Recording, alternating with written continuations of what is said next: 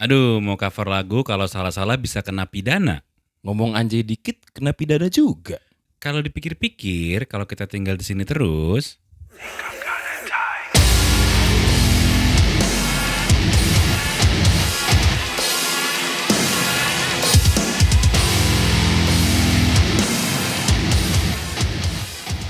dari Medium Coffee and Space, Grialo Coffee 225 bersama gue Ardian. Gua Fatur. Yeay. Jadi sekarang ini balik lagi di segmen kita berdua ya.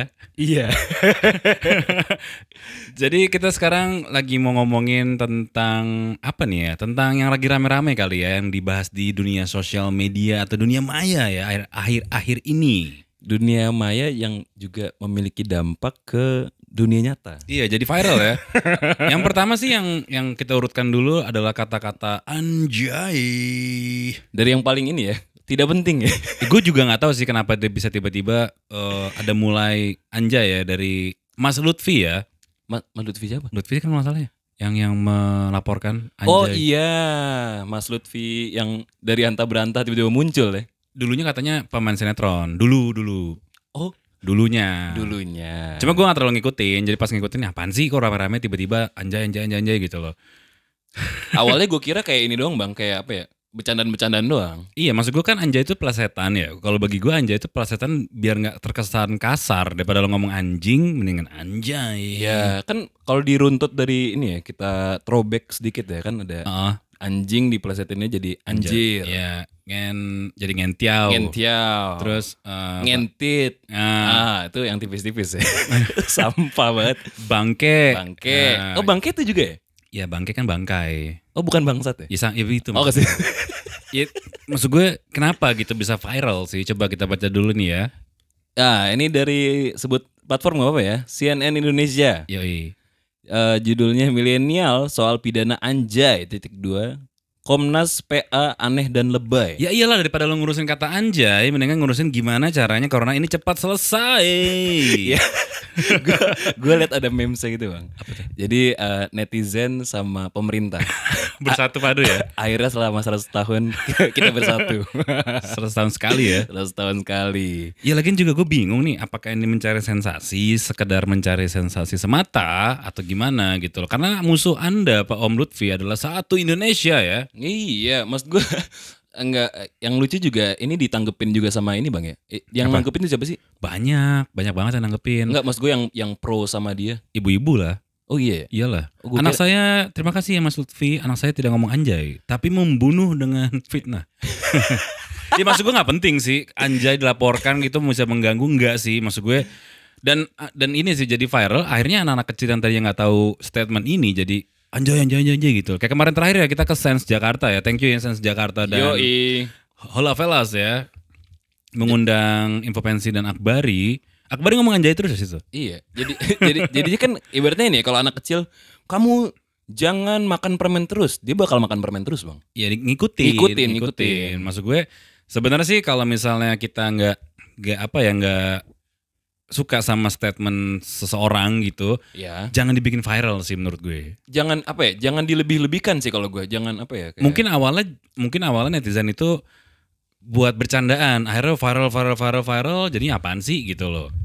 Iya, iya sih. Maksud gue netizennya juga kadang ini ya, tidak memilah-milah mana yang harus diperdebatkan, mana yang enggak. ya. Iya sih, bener juga.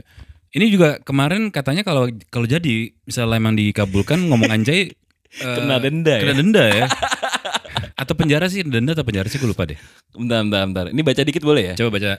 Jakarta CNN Indonesia tindakan Komisi Nasional Perlindungan Anak atau Komnas PA yang meminta penghentian penggunaan kata anjay banyak ditentang kaum milenial Ya jelas lah. ah karena dinilai berlebihan kebijakan untuk mencegah perundungan yang lebih komprehensif pun lebih didorong kata anjay baru-baru ini ramai menjadi perbincangan di media sosial usai Komisi Nasional Perlindungan Anak meminta pengguna kata tersebut dihentikan karena dinilai berpotensi pidana Tuh, jadi nanti kan isi penjara kamu kenapa di sini? Saya tukang pukul. Wah, saya begal, saya menggunakan kata anjay. di penjara gara-gara anjay. ini lucu sih maksudnya dia bilang ketua Komnas PA ya Aris Merdek ya ini sorry ya sebut nama ya Ah, mengatakan pengguna kata tersebut adalah bentuk kekerasan atau perundungan. ya gimana ya? Kayak tadi gue gue sempet nonton podcastnya Om Deddy sama Young Lex. Ah, ah. Jadi yang Lex kalau misalnya ini kan i- ibaratnya abu-abu nih anjay ini ya. Iya. Kayak misalnya gini, pisau, pisau itu gunanya buat apa nih kata Yang Lex nih? Gue gue setuju sama dia nih. Mhm, Pisau gunanya untuk memotong bawang. mhm. Kalau disalahgunakan bisa buat nusuk orang dong. Iya, berarti itu ya. Iya kan, ambigu kan. Terus handphone, handphone buat nelpon, tapi bisa juga buat ngebunuh orang kalau mukul kencang pakai handphone. Palai berulang-ulang seribu kali ya. Ya, betul. Makanya maksud gue ini kan abu-abu gitu loh. Ibaratnya berarti apa ya? eh, tergantung cara pemakaiannya aja gak sih? Point of view juga. Point of view juga. Sama aja kayak gini sih, misalnya kita dengerin podcast gitu kan, atau Hmm. nggak usah podcast lah, kita dengerin teman kita yang so ganteng, so asik, so rebel gitu ya. Hmm. Ada kan yang pasti kan di antara tongkrongan kalian yang sosok pemabuk ya kan, sosok sosok rebel gitu kan. Ah, ah. Ada juga reaksi kita kan, anjing apaan sih? Ah. Tapi kalau misalnya kita dengerin podcastnya Lawless, podcastnya eh, BKR gitu kan, anjing eh gitu loh. Beda, anjingnya beda nih nada, nadanya nih. Ih, jadi dari nada aja tuh artinya udah beda loh. Iya nggak Iya sih? benar-benar kayak tadi misal teman lo yang so rebel, so apa bisa biar apa so keren gitu kan. Anjing lo apaan sih? Sama anjing keren ya gitu. Iya, iya bener bener. Atau nggak bener, kata bener, keren deh. Anjing sama anjing. Beda kan? Kayak anjing gitu kan sama anjing. Iya, iya, itu, beda tuh, iya, itu beda, loh, itu beda, beda, loh. beda. Itu ya makanya ambigu juga sih. Mm-mm. Dan lucu aja maksud gue kok dipermasalahin gitu kayak ini kalau dibilang ini kata-kata untuk apa mengarah ke perundungan atau pembulian juga misalkan gue ngebully orang orang gitu. Eh, pakai nggak pakai anjay sih gue. Ih kayak eh anjay lu gitu. Ada Gue ngebully orang pasti kan, eh dong bangsat gitu kan. Nggak pakai anjay juga sih. Ah, sok keren lu mabok-mabokan. tidak berguna bubarkan saja karena memang apa ya apa namanya bisa dibilang kalau anjay itu kan sebenarnya ya bahasa tongkrongan yang di bahasa slang lah Bahasa slang, slang. Heeh, bahasa slang yang diplesetkan gitu loh Iya, kalau misalkan ternyata kata kalau ini kalau menurut gue bang ya, kalau misalkan kata anjay ini pengen dipermasalahkan, ada banyak loh yang bisa dipermasalahkan lagi. Gitu. iya terus objeknya nggak di penjara gitu si anjingnya kan berkat ya itu dia makanya ini sebenarnya eh, menurut gue nggak penting sih Eh, Sangat tidak penting untuk Iya. dibahas ya. dan jadi berita nasional ya I, karena udah masuk ke Komnas PA itu ya tadi ya Iya. perlindungan anak Abis itu ada apa lagi nih ya? Eh sudah sementara eh, si oknum ini menganggap ada potensi kata anjay menyakiti hati seseorang di lingkungan. ya ya udahlah tapi kalau nggak salah terakhir Instagramnya ke take down ya di take down ya? ke ke hack atau apa gitu gue bingung deh. Atau enggak kayak ini? ya ya? musuhnya satu Indonesia mau Iya, gimana? Plus, iya. plus pemerintah lagi. Lu bayangin tuh ya mulut mulut eh, tajam netizen dan pemerintah ya hilang lah. Iya, jadi ibaratnya udah netizen punya pedang, pemerintah punya tamengnya. Ya, itu dia. Immortal gitu. Makanya sekali lagi ya untuk eh, Mas pun siapa pun ya eh, nggak usah cari sensasi berlebihan lah ya.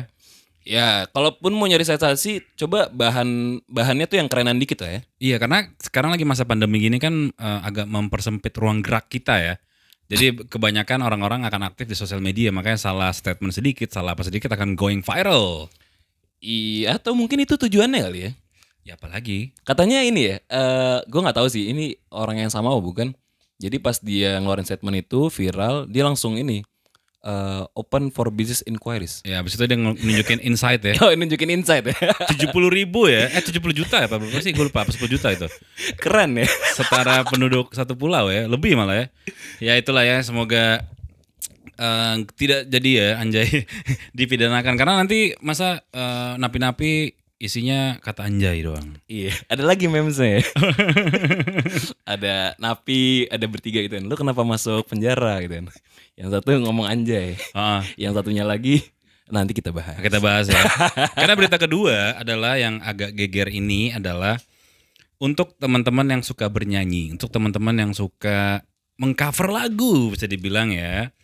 Jadi ramai mengenai cover lagu yang digaungkan oleh beberapa musisi Indonesia agar YouTuber dapat menghargai hak cipta lagu. Mm-mm. Mungkin sebagian pihak sudah ada yang cover lagu melalui prosedur yang ditentukan. Akan tetapi masih banyak juga pihak-pihak yang tidak bertanggung jawab dengan langsung mengcover lagu tidak sesuai prosedur. Nah, yang nggak bertanggung jawab nih kayak gimana nih bang? Ya mungkin nggak izin, habis itu dimonetize. Itu yang ini kali ya, yang eh, perusahaan-perusahaan besar atau nama-nama besar kali Ya ya. enggak perusahaan besar juga. Sekarang juga kalau i- per individu dan dia punya followers banyak begitu dia cover sore bagus memang gitu kan. Akhirnya jadi viral, akhirnya jadi AdSense gitu kan. Karena saat ini kembali heboh diperbincangkan mengenai cover lagu di YouTube yang tidak sesuai prosedur. Maka akan terkena tindak pidana dan bisa terancam hukuman 3 tahun penjara serta denda 500 juta. Jadi buat yang cover-cover lagu nih ya. Hati-hati ya. Karena gue baca komen-komennya sih, berita juga bisa kalian baca di infopensi.com.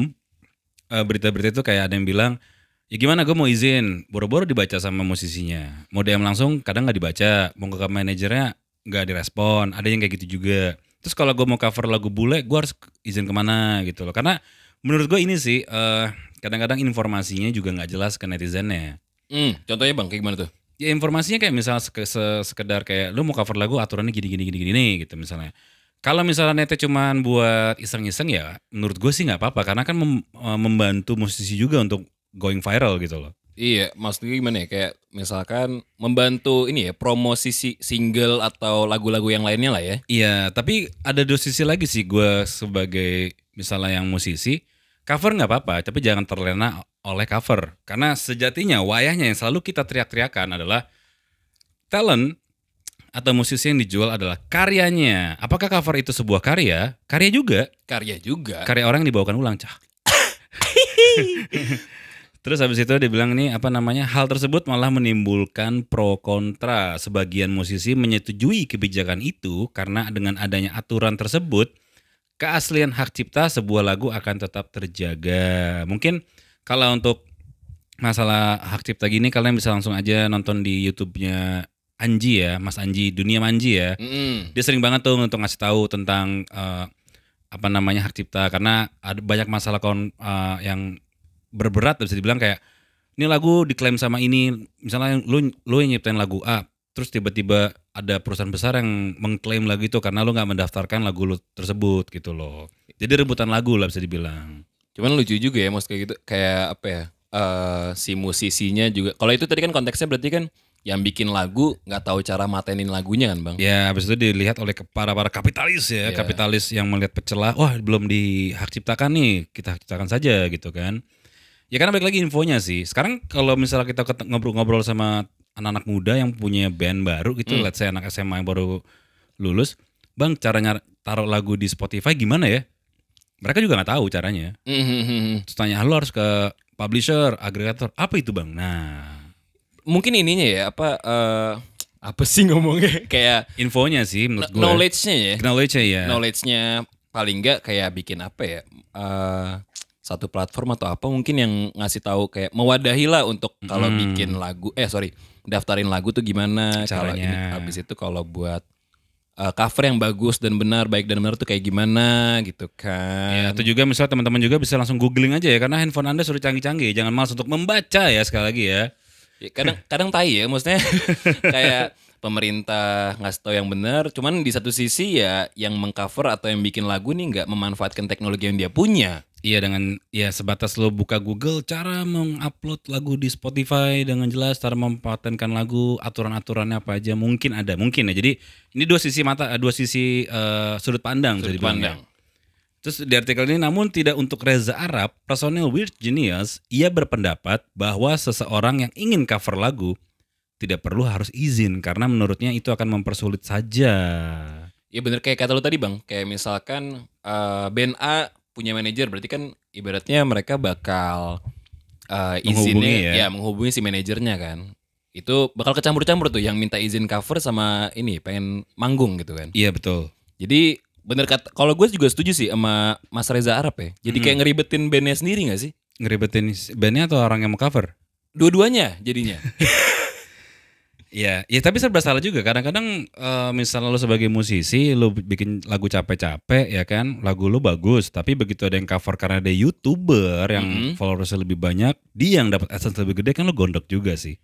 Atau enggak mungkin kalau misalkan netizen atau youtuber yang punya followers banyak ini pengen nge-cover, taruhlah credits. Bisa gitu gak sih bang? Iya, sesimpel taruh Sesimpel kredit taruh sih. credits. Ah. Itu udah paling menguntungkan kedua belah pihak lah. Lu bisa Betul. nge-cover si orang yang punya lagu aslinya. Juga dihargai lah, masa Dihargai. dihargai. Karena bikin lagu nggak gampang ya. Setuju. Karena menurut Arab, jika ada orang yang ingin cover, kenapa harus dipersulit? Cover juga butuh perjuangan dan butuh waktu untuk berpikir, ganti nada, mengatur alat, tempat, tenaga, dan waktu. Akan tetapi, menurut Arab, hal tersebut bisa beda cerita apabila ada seseorang yang merusak karya orang lain. Kayak gimana tuh bang? Dengan cara mencuri dan mengubah keaslian dari suatu karya, menurutnya itu baru bisa dipermasalahkan. Oh, karena kan aturannya kan kalau nggak salah 7, 7 bar ya? Tujuh, ya. 7 bar. Itu ini ya, plagiasi lebih. Iya, kalau minimal 7 bar sama nggak apa-apa. Kalau lebih dari 7 bar, lo ah, plagiasi ah, bisa dibilang mencuri ya. Mencuri. Jadi dibilang nih kecuali karyanya dicuri atau diubah lalu dijual ulang, ya itu lain ceritanya. Buat gue pribadi dan member Weird Genius yang lain tidak jadi masalah kok kalau misalnya cuma cover biasa gitu loh. Kita malah senang kalau ada yang cover, apalagi kalau niat produksi, kalau niat produksinya dalam arti oh mic niat, studio studinya bagus, Mm-mm. mixingnya bagus. Berasa dihargain dan diterima gitu, duit mah ya elah gampang. Kata Reza Arab nih kalau duit nih.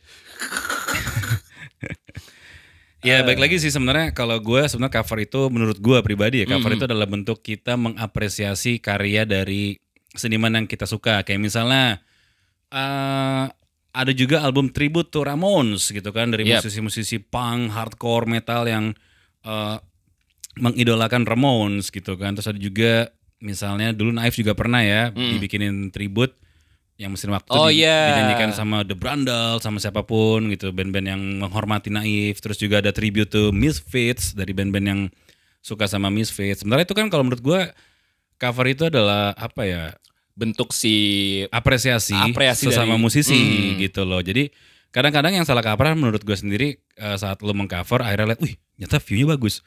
Lo cover-cover terus gitu loh. Jadi isinya coveran lagu orang semua dan ujung-ujungnya jadi dimonetize dan lo, lo akan dapat undangan manggung karena view-nya banyak. Ah, ah. Ujungnya lo mau jadi apa ya bisa dibilang ya?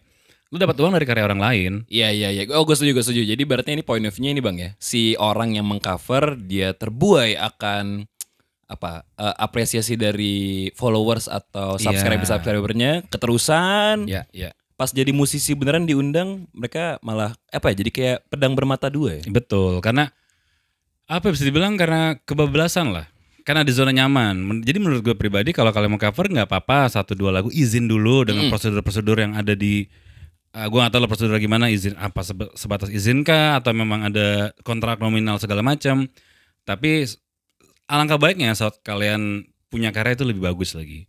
Iya, La- lagu sendiri ya maksudnya karya itu lagu sendiri ya. Setuju setuju setuju. Jadi maksud gue paling enggak eh, sekali dua kali lu ke nge-cover lagu artis kesukaan lu nggak Nggak apa-apa. Cuman Hah? Gak masalah Nggak kan? masalah, Nggak karena- masalah. sebut band misalnya eh, siapa let's say Bring Me The Horizon dia Hmm. pernah cover lagunya Slipknot Eyeless terus eh, Suicide Silence pernah cover lagu Deftones Engine Number, number 9 terus Headbreed dia full album isinya cover lagu eh, tribute to Slayer eh, Sepultura baik banget sih. Jadi mungkin dia izin juga kan tapi kan itu salah satu, salah salah satu bentuk apresiasi aja. Iya. yang bukan ini single utama gue loh bukan. Cuman ini kita tribute tuh uh, Sepultura ya Refuse Resist dari Hatebreed karena Hatebreednya juga kalau nggak salah tuh dia bilang eh apa sih to the lions di dalam arti itu mereka nganggap si Hatebreed ini nganggap Sepultura terus Slayer itu adalah macan-macan yang me- apa namanya memberikan inspirasi bagi Hatebreed untuk ngeband gitu. Nah, eh kalau gitu keren sih menurut gue. Ya berarti ada yang cover abis itu kayak setelah gue mengcover lagu ini akhirnya gue terinspirasi untuk membuat single ini. Yo, jadi bukannya jadi single lo apa ya single jualan utama lo lo coveran orang. Menurut gua ya. Jadi cover salah apa enggak? Tergantung sudut pandang. Tergantung sudut pandangnya. Tapi gua agak malas sih saat ada orang yang naruh single di info pensi cover. Iya gua agak malas karena ya mana lagu asli lo gitu loh. ya itu beda ya. Maksud gue eh, Infopensi itu platform untuk mempublikasikan karya-karya kalian. Yo, jangan malu ya, jangan malu ya. Mm-mm. Sama sekali gue pernah nonton ini bang ya band eh, di pensi mungkin yang ngecover full ngecover tuh bang Banyak, banyak banyak kan? banget. Itu umurnya berapa lama kira-kira? Ya baik lagi sih sebenarnya kalau misalnya kalian mau tampil di festival besar gitu kan atau di pensi, alangkah baiknya kalau punya lagu sendiri cover satu dua, so-so lah, oke lah. Mm-mm. Ka, baik lagi kalau misalnya band top 40 gimana dong? Memang band top 40 kan eh, memang untuk menghibur penonton-penonton. Jadi di cover pun dengan gaya mereka sendiri gitu loh. Misalnya lagu aslinya folk, Mm-mm. di coverin jadi jazz gitu kan, jadi hip hop atau jadi R&B. Ben- Mm-mm. Untuk Benta 40 ya. Aduh ngerti banget nih gue. Ma- maaf ya kalau misalkan rada-rada soto ya. Cuman ini menurut point of view gue pribadi nih.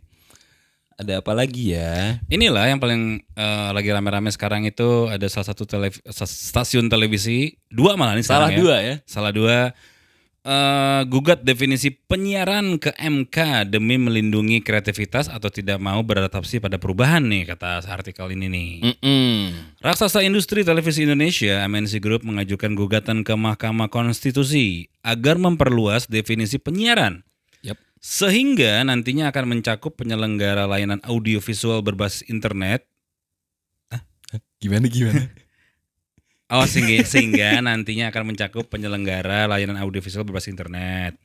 Mengapa gugatan ini dikritik pengamat dan pengguna internet? Gitu kata artikel ini ya. Mm-mm.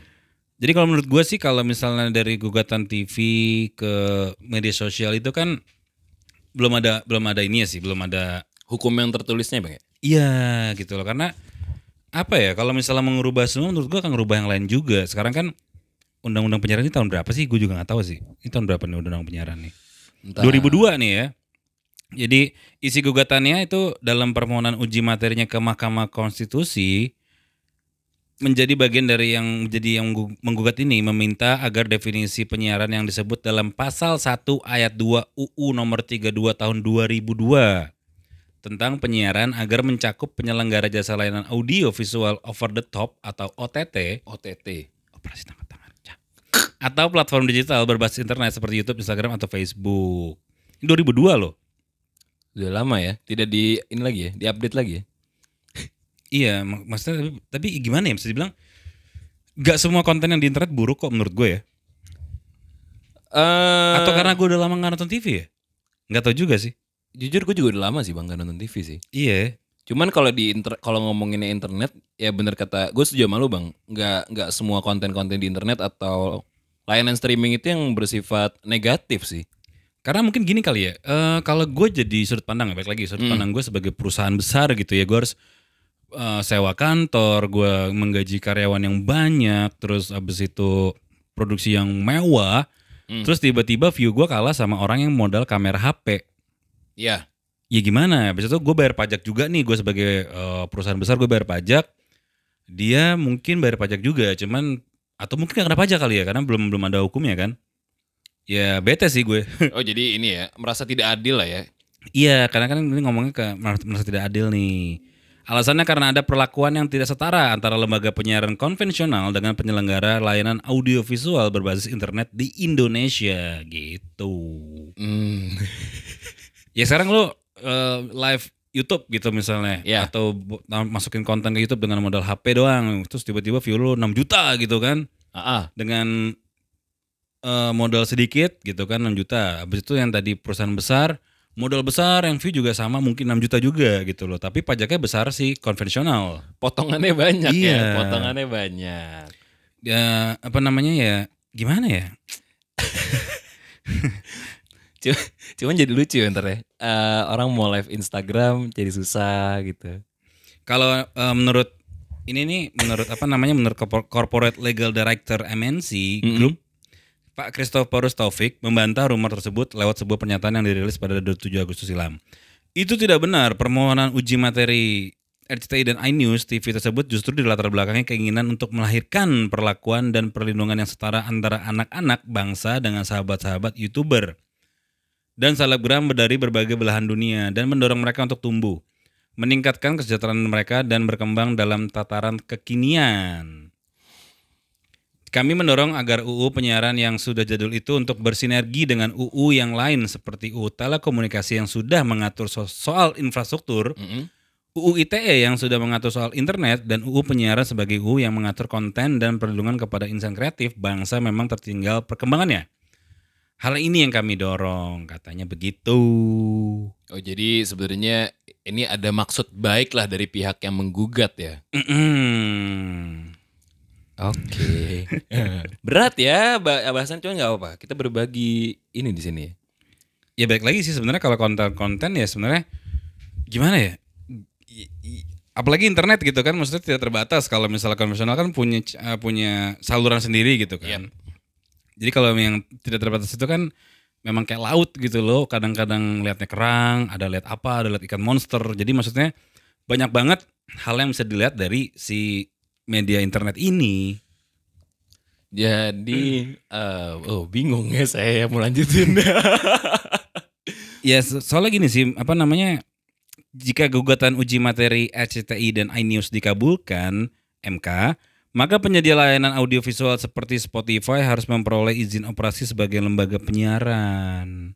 Berarti sekarang ini kita bikin podcast harus punya izin nih. Apa Spotify-nya? Gue gak tahu juga sih.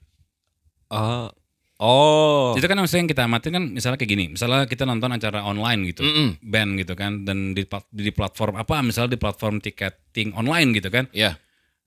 Maksud gue mungkin ke arah situ kali ya. Apakah si platformnya punya hak siar? Gitu. Oh jadi harusnya yang ini ya apa yang memiliki hak siar itu bukan pribadi si Publiknya. publiknya ibaratnya si youtubernya, podcasternya gitu-gitu Tapi ya. media alternatifnya mungkin ya. Mungkin, mungkin, Mungkin ya kita kan nggak tahu ya. Nah, apa apa ya baik lagi sebenarnya sih eh, nggak tahu juga ya. Hari ini banyak memang kayaknya sih awal September ini banyak yang madness ya, banyak yang marah-marah ya. Gugatan, gugatan, tadi dari kata anjay, dari YouTube, eh, cover YouTube sampai sekarang eh, tentang media konvensional menggugat, menggugat ya. Iya. Gue gue jujur bingung nih. Eh, Ya, jadi semoga ini aja ya, semoga kalau menurut gue tidak jadi dikabulkan ya. ya atau enggak ini ya eh, menemukan jalan tengahnya lah, ya kan? Sama-sama untung maksudnya. Iya ya, karena balik lagi sebenarnya dengan ada gue jujur ya, gue udah berapa bulan ini bisa dibilang mungkin hampir setahun gue jarang nonton TV sih. Jujur gue juga bang. Eh, Sampai rumah gitu udah buka YouTube gitu kan, mm-mm. atau media apa lagi gue buka ya, Instagram gitu. Karena gue banyak liat konten-konten yang beda aja dari TV sih. Kalau TV mungkin gue baca berita, beritanya nih ya, atau dulu bola gitu kan, atau film-film eh, Hollywood gitu yang kalau malam-malam. Karena kan gue biasa nonton TV kan kalau nggak pagi malam doang gitu loh. Iya, gue juga kayak lu bang. Kalau sekarang pulang capek, eh misalnya pulang habis kerja ke rumah sebelum tidur kayak sejam nonton film apa dulu baru tidur. Atau enggak pun kalau misalkan nonton TV juga emang kayak lagi nonton ada berita dikit, habis itu ujung-ujungnya ke film lagi. Iya, karena kalau misalnya semua di apa ya bisa dibilang eh, dikabulkan gugatannya berarti penjara ada lagi ya satu tukang pukul, tukang bunuh ya kan, tukang apa satu lagi saya ngomong anjay, Iya. saya cover lagu, saya Tidak punya hak siar. ya itu ya kasihan ya nanti dibully sama yang dalam ya. Hah, Anda cuma ini dong. iya. Itu berapa berapa sih dendanya? 4 miliar. Eh, ntar, ntar. Ini macam-macam ya. Tadi yang Anjay itu berapa 300 juta atau enggak 3 miliar. Habis itu yang cover lagu 4 miliar. 4 miliar. 4 miliar. Terancam oh ya, awas bikin cover lagu di YouTube terancam denda 4 miliar dan bisa penjara selama sampai 3 tahun. Kalau yang statu- stasiun TV belum keluar ya nominalnya ya? kan baru gugatan doang. Baru gugatan. gitu. Semakin berat ya hidup di ini ya. Apa kena gugat atau enggak keluar uang? Iya kalau di YouTube apalagi di masa pandemi ini gue lagi cari-cari apa namanya bisa dibilang konten kreator yang baru-baru yang punya konten yang yang nggak biasa gitu. Akhirnya sampai akhirnya kita ngulik podcast dari bulan Maret kan akhirnya kita dengerin Joe Biden podcast, kita dengerin uh, No Jumper, kalau lokalnya kita dengerin Anvaida podcast, Iya. kita dengerin lagi BKR, terus Box to Box. Terus apa lagi sih biasa kita podcast Mas. Podcast Mas. ya akhirnya jadi punya apa ya wah banyak ini nih ya apa namanya channel-channel lain yang bisa kita nikmatin keragamannya yang mungkin nggak ada di media konvensional gitu Iya, dan eh, apa ya? Pengetahuannya juga lebih apa ya? Lebih spesifik lah tadi kalau misalkan podcast, abis itu kalau ke YouTube misalkan kalau gue pribadi Bang ya, gue kalau ke YouTube misalkan nyari referensi pengen beli apa yang bagus yang mana kan biasa banyak tuh compare-compare. tergantung interest kita juga kan? Iya. karena balik lagi menurut gue semua punya market sih. Mungkin media konvensional punya market sendiri gitu kan? Kalau media YouTube punya market sendiri gitu. Kayak nyokap gue juga eh nonton YouTube juga pusing sendiri gitu ya. Iya. banyak banget pilihannya. Akhirnya terakhir cuma nonton YouTube ya menu-menu masak gitu loh Ya, bagaimana cara? Kalau emak gue juga gitu bang. Bagaimana cara membuat eh, donat frozen? Iya. gitu. masih mengikuti ininya lah mas gue. Kalau misalkan yang marketnya nonton yang gitu-gitu doang, mereka tahu kapasitasnya gitu kan. Betul banget, betul banget. Jadi ya semoga aja ya, semoga aja nih eh, gimana yang terbaik aja lah ya. Iya. Dari cover YouTube, dari kata-kata anjay, dari gugatan hak siar. Semoga aja, semoga. Karena menurut gue kalau hak siar itu menurut gue ya tadi ya, kalau menurut gue pribadi entah gue bodoh atau gue nggak ngerti, yang harusnya khawatir bukan kita sebagai youtuber apa bukan sorry, konten creator ya tapi Content creator. medianya. Si platformnya tadi ya ya, walaupun akhirnya kena juga sih ke kitanya gitu kan. Eh, dampak secara tidak langsung ya. Ya, jadi dia lebih menitik beratkan ke platform-platform lain gitu. Kayak Spotify nih bukan kita yang harus punya hak siar, tapi Spotify-nya harus punya hak siar. Kalau yang gue baca tadi ya, nggak tahu gue salah apa bener nih. Ya, dan kita sebagai content creatornya kenanya di eh, apa? Nggak bisa nggak bisa pakai. nggak bisa pakai. Iya, berarti kalau misalnya Spotify harus kena juga, mau nggak mau ya kita tidak bisa lagi bikin podcast.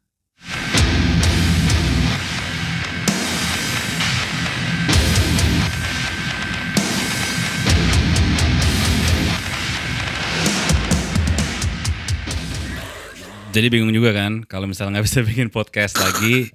Ya mungkin medianya mungkin eh, bukan Spotify, mungkin yang lain-lain yang punya hak siar. Kalau jadi gugatannya dikabulkan gitu.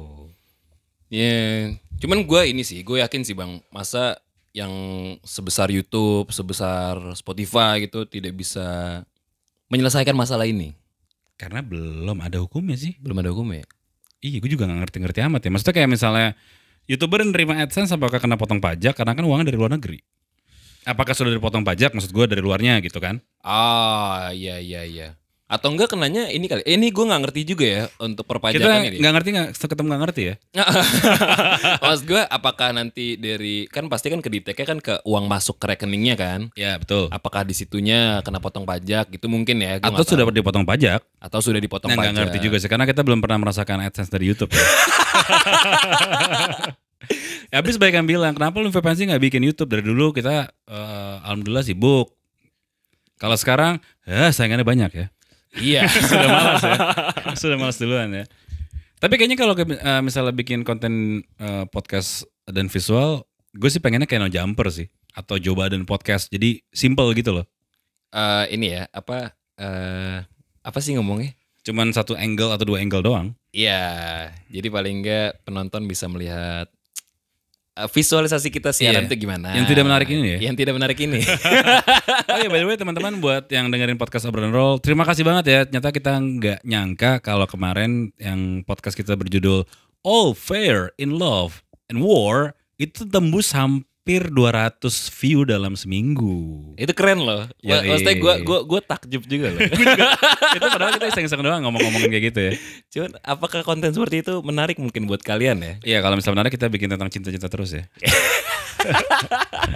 Dan balik lagi teman-teman, gue baik banget denger podcast podcast baru dari uh, teman-teman SMA, teman-teman kampus. Ayo go go ahead, go ahead karena gue dengerin juga. Gue lagi baik dengerin podcast pribadi, pribadi gue baik dengerin podcast podcast dari Indonesia itu keren-keren banget sih. Kemarin tuh yang dari Jogja apa dari Semarang gitu ya, Mm-mm. yang lambangnya biskuit itu, gue lupa namanya lagi. Oh yang ngomongnya Jawa bang? Iya itu keren sih, itu keren sih. Terus juga ada uh, drummernya God Plan ya bikin ya. Kesel aja, podcast kesel aja. Jadi isinya tuh marah-marah doang deh. Jadi ini ya, maksudnya Ada Agordio Club juga tentang musik-musikan juga itu bagus sih. Ya, jadi ini ya maksud gue kayak eh, si platform pot eh platform Spotify ini akhirnya memuncul menghasilkan kreator-kreator yang misalkan ada podcaster nih nggak seragam nggak seragam doang gitu loh bang ada Iya, banyak iya, iya, macamnya iya. Betul, gitu betul, kan. betul. variasinya banyak juga Variasi banyak juga dan ya akhirnya jadi keberagaman yang menarik sih kalau menurut gue gitu loh. Terus podcast-podcast horor juga akhirnya banyak banget nih gue ngeliat, wih baru-baru lagi nih podcast horor nih. Kalau podcast horor gue biasa dengerin si ini ya, Do You See What I See atau ya podcastnya Mas Bimo ya. apa tuh namanya Jumat ah itu gue Kliwon. juga tuh dengerin tuh Ya, ya oke lah, gue gue seneng banget sih. Apalagi sebagai yang bisa dibilang kita juga baru baru banget terjun di dunia podcaster.